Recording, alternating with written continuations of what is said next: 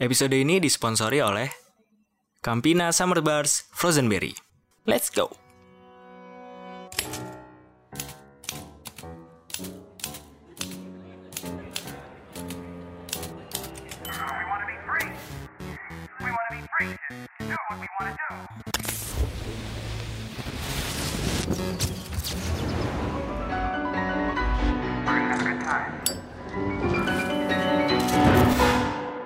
You're listening to Podcast Pecah.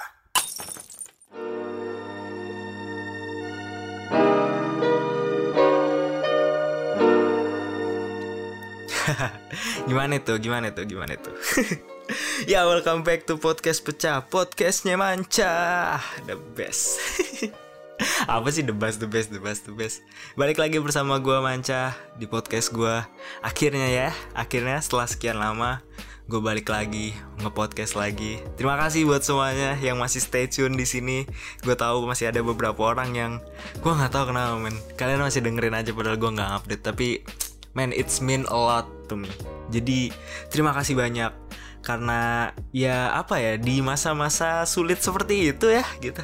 Kalian tetap mendengarkan gitu bahkan masih banyak yang shout out gue lewat DM Instagram atau nge-email gitu. Jadi eh, terima kasih banyak buat kalian semua yang masih stay tune mendengarkan di podcast ini dan juga buat pendengar-pendengar baru selamat datang kalau ada kalau nggak ada juga ya udah gak apa-apa Eh, dan ini juga gue mau berterima kasih kepada Fakultas Komunikasi UNY Universitas Negeri Yogyakarta. Karena apa? Karena UNY menobatkan podcast pecah menjadi podcast terbaik. Ya best podcast gitu di acaranya mereka. Itu akhir tahun lalu sebenarnya tapi ya gue belum karena gue belum mengucapkan jadi gue mau mengucapkan terima kasih banyak kepada Fakultas Komunikasi UNY terima kasih. Saya terharu terdengarnya. Mohon maaf waktu itu saya nggak bisa datang ke acaranya karena saya lagi di Bekasi ya. Maaf ya maaf maaf banget. Tapi it was a big thing for me. Terima kasih terima kasih banyak terima kasih. Gue cuma mau bilang terima kasih kepada Fakultas Komunikasi UNY the best kalian. Oke jadi gimana kabar kalian? Aduh udah lama cuy nge podcast Gue sampai bingung loh ini. Sumpah gue tuh masih sampai bingung gimana cara nge podcast lagi. Sampai gimana gitu. Gue nggak tahu gitu gimana. Gue tahu sih caranya Tapi you know kayak Ah aneh lah. Yaudahlah Eh jadi eh, some update sekarang Rifki Arahmansyah aka Manca ya telek lagi kan oke Eh, sekarang gue udah nggak berkuliah. I start this podcast when I'm in college. Eh, sekarang udah enggak jadi sekarang gue alhamdulillah sudah bekerja. Eh, 9 to 5 people membosankan. Ya kinda tapi it is what it is gitu. Menyenangkan sedikit cukup menyenangkan gak sedikit sih lumayan lah boleh lah. Ya tapi namanya hidup ya kayak gitu ya.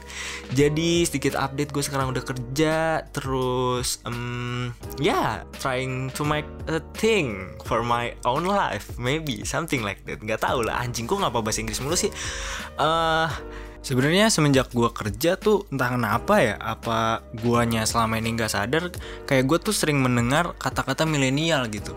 Ya ya gimana ya gitu ya. Emang sih gua termasuk generasi itu gitu kan kan kalau nggak salah katanya Goldman Sachs itu milenial tuh dari 1980 kelahiran dari 1980 sampai 2000 gitu.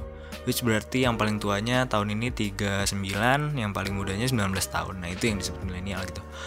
Ya emang sih gue bagian dari itu. Tapi entah kenapa yang sering gue dengar tuh yang dalam tanda kutip yang jelek-jeleknya gitu. Kayak milenial tuh disalahin mulu gitu. Apa-apa salah milenial. Apa-apa eh, ini karena milenial begini begitu gitu. Kayak ini tuh kita disalahin lebih salah dari koruptor apa gimana sih gitu. Padahal kan ya emang apa ya emang perubahannya gitu. Emang strukturalnya emang udah berubah gitu. Sebenarnya menurut gue milenial tuh lebih jadi generalisir sayangnya. Tapi ya whatever is that gitu gue mencoba ngambil arah lainnya. Maksudnya gini kayak oke emang bener milenial kayak gitu. Jadi akhirnya gue lebih ke oke gue mau nyari tahu ah milenial kayak gimana. Nah di situ gue mulai membaca-baca berbagai macam report gitu Eh, dari ada dari Deloitte ada dari PwC kalau nggak salah dari McKinsey juga. Intinya ya yang terkait milenial lah yang survei-survei gitu milenial tuh intinya kayak gimana. Nah eh, sayangnya kebanyakan dari yang gue baca itu bukan yang gue baca juga sih yang available kayaknya sekarang ya. Itu tuh yang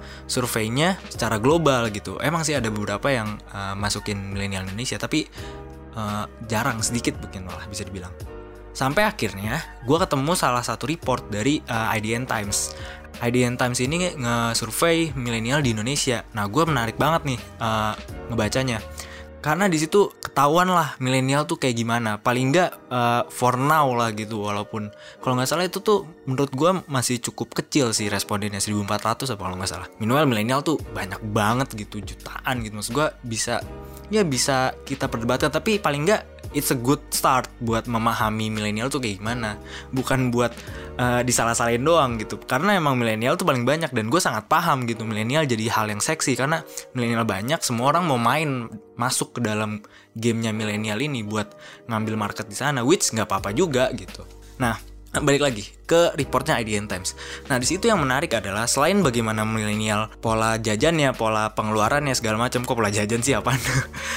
pola pengeluarannya kayak gimana? Nah salah satu yang menarik menurut gue adalah uh, jadi dari report itu dibilang kalau 4 dari 10 milenial itu di Indonesia setiap tahunnya udah nyiapin uh, liburan gitu. Menurut gue ini amazing banget. Masalahnya oke okay, itu kurang dari setengah. Tapi yang disiapin itu bukan cuman liburan uh, domestik tapi juga liburan ke luar negeri. Kayak men gokil banget gitu. 4 dari 10 udah nyiapin liburan tiap tahunnya mau ke mana dan bagaimana gitu. Maksud gue that's a good thing menurut gue kenapa good thing? Karena gini karena menurut gue dan sepemahaman gue setelah gue belajar selama ini mungkin bisa salah. Uh, dengan adanya pariwisata itu tuh bisa meloncatkan pembangunan. Maksudnya loncat tuh gimana ya? Uh, leap of development gitu. Apa sih itu kan translate-nya? Iya gue tahu cah. Nah maksudnya gimana? Kayak gini nih uh, mending pakai contoh. Jadi gini uh, bayangin uh, ada pariwisata nih di Indonesia sekarang. Nggak usah mikirin yang luar negeri yang domestik nih. Kita mikirnya di domestik dulu di Indonesia. Sekarang kan banyak masyarakat yang antusias sama pariwisata pariwisata lokal. Karena apa? Karena Instagram. Mau nggak mau gue juga pernah bahas ini di episode berapa ya? Gue lupa. Pokoknya cari aja lah pokoknya pernah itu sebenarnya nggak apa-apa tapi uh, itu harus disyukuri karena banyak orang yang jadi terbangun daerahnya gitu. Maksudnya kayak oh karena orang banyak sini pemerintahnya juga mau nggak mau harus membangun daerah situ. Paling nggak memberikan basic-basic infrastruktur kayak jalan uh, eh, SPBU mungkin dan segala macamnya gitu dan yang lebih gokilnya lagi itu bisa memutarkan ekonomi di desa itu. Biasanya kan di daerah-daerah pedalaman gitu kayak misalnya di pantai mana di di ujung mana kayak emang sebenarnya daerahnya tuh sebelumnya nggak pernah ada yang tahu tapi karena adanya sosial media so called industri 4.0 lah gitu kemajuan teknologi itu semua jadi orang jadi pada tahu makanya orang mau ke sana. Again itu karena perubahan struktur sosial orang gitu. Orang yang dulunya susah buat dalam tanda kutip ya nyombong gitu sekarang dengan ada sosial media gampang banget dan itu sebenarnya yang membangun uh, wisata-wisata di domestik gitu. Nggak ada yang salah sama itu, gue nggak nggak menyalahkan itu. Tapi ini yang harusnya sebenarnya diregulasi menurut gue. Karena kalau udah bisa attract orang sebanyak itu, harusnya ada sistem-sistem yang baik sehingga bener-bener nih yang main di game pariwisata lokal itu bener-bener orang lokal gitu. Jadi uh, masyarakatnya bener-bener terberdayakan. Karena at the end of the day kan ya harusnya warga gak sih yang diuntungin? Bukan bukan yang gimana gimana gitu. Maksudnya paling nggak warganya dulu lah yang mendapat manfaat paling banyak gitu. Karena again ini wisatanya udah sejauh itu gitu. Harusnya mereka yang memiliki gitu. Emang ada menurut gua ada bagian-bagiannya aja. Yang di mana main yang main siapa gitu tipe-tipe pemainnya. Yang di mana main siapa. Intinya menurut gua ada ada biar ada balance aja gitu. Karena at the end of the day warga-warga di sana juga bisa terbangun gitu. Nah karena milenial kayak gini menurut gua uh, yang bisa menjadi jalan tengahnya adalah agrowisata yaitu uh, basically wisata berbasis pertanian gitu. Karena ya kita kan negara agraris gitu ya. Dulunya mungkin sekarang gue nggak tahu. Harusnya iya sih sekarang masih masih banyak kok daerah-daerah yang yang bagus menurut gue uh, pertaniannya dan itu bisa dijual gitu. Karena gini uh, berbicara pengalaman sedikit. Jadi dulu gue tuh pernah uh, tinggal di Papua walaupun cuma dua bulan cuy. Nah di sana uh, di satu sisi memang infrastrukturnya gue waktu itu ke daerah namanya Supiori kabupatennya namanya Supiori. Di sana emang infrastrukturnya nggak ada. Tapi cuy alamnya tuh gokil banget cuy. Bener-bener wah parah ada pantainya. Coba kalian googling namanya pantai Wafor. Itu tuh men itu tuh apa ya? Biru terus ombaknya gokil gitu. Dan kata penuturan warga di sana udah banyak bule-bule orang luar negeri yang datang sana buat surfing karena emang sekeren itu dan again sangat menjual kerahasiaannya ya gak sih? Itu tuh belum ada infrastrukturnya aja. Itu tuh udah ngejual cuy. Apalagi kalau ada. Nah bukan berarti again poinnya bukan berarti uh, pemerintah nggak perlu nyediain infrastruktur. Lah infrastruktur tapi ya tetap harus disediain gitu. Tapi poin gue adalah nggak ada infrastruktur aja orang luar negeri rela datang ke sana gitu. Makanya salah satu program gue waktu itu waktu gue KKN tuh kayak membangun uh, kelompok-kelompok buat memberikan experience hospitality gitu yang cukup lah yang decent lah ke orang-orang yang misal datang ke daerah itu.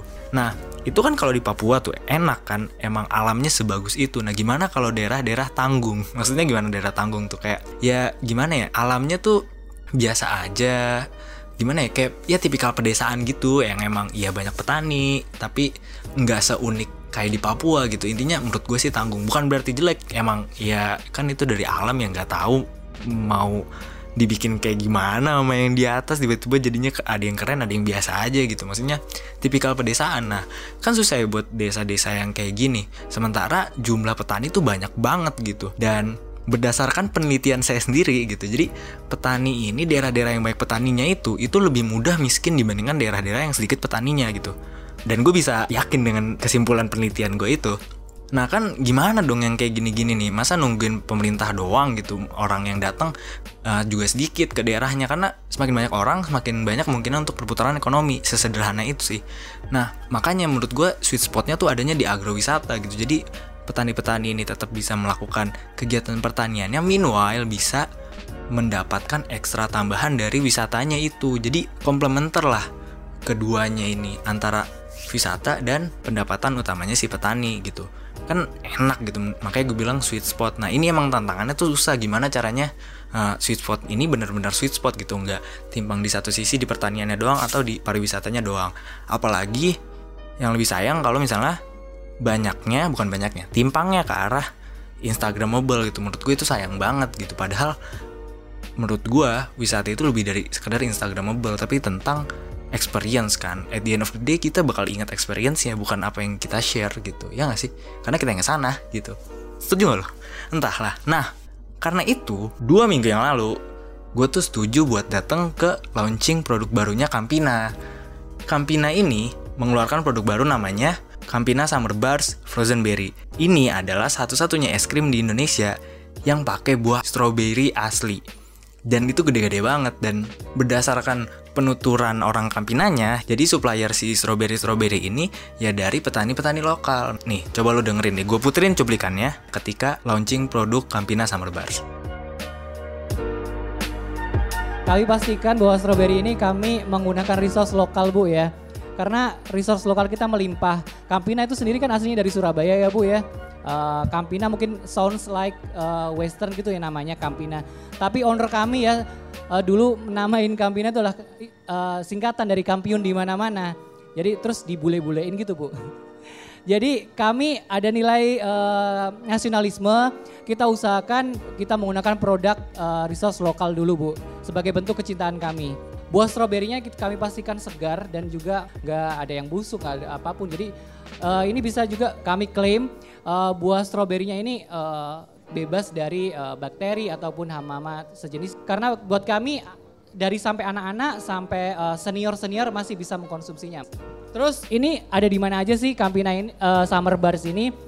Udah ada di minimarket di Alfamart terdekat dengan rumah udah bisa dibeli uh, minimarket minimarket lain atau market. Terus Campina bisa ditemukan dari Sabang sampai ke Papua udah ada. Bisa juga dipesan di www.icecreamstore.co.id. Buka websitenya, bisa dipesan nanti dikirim ke rumah.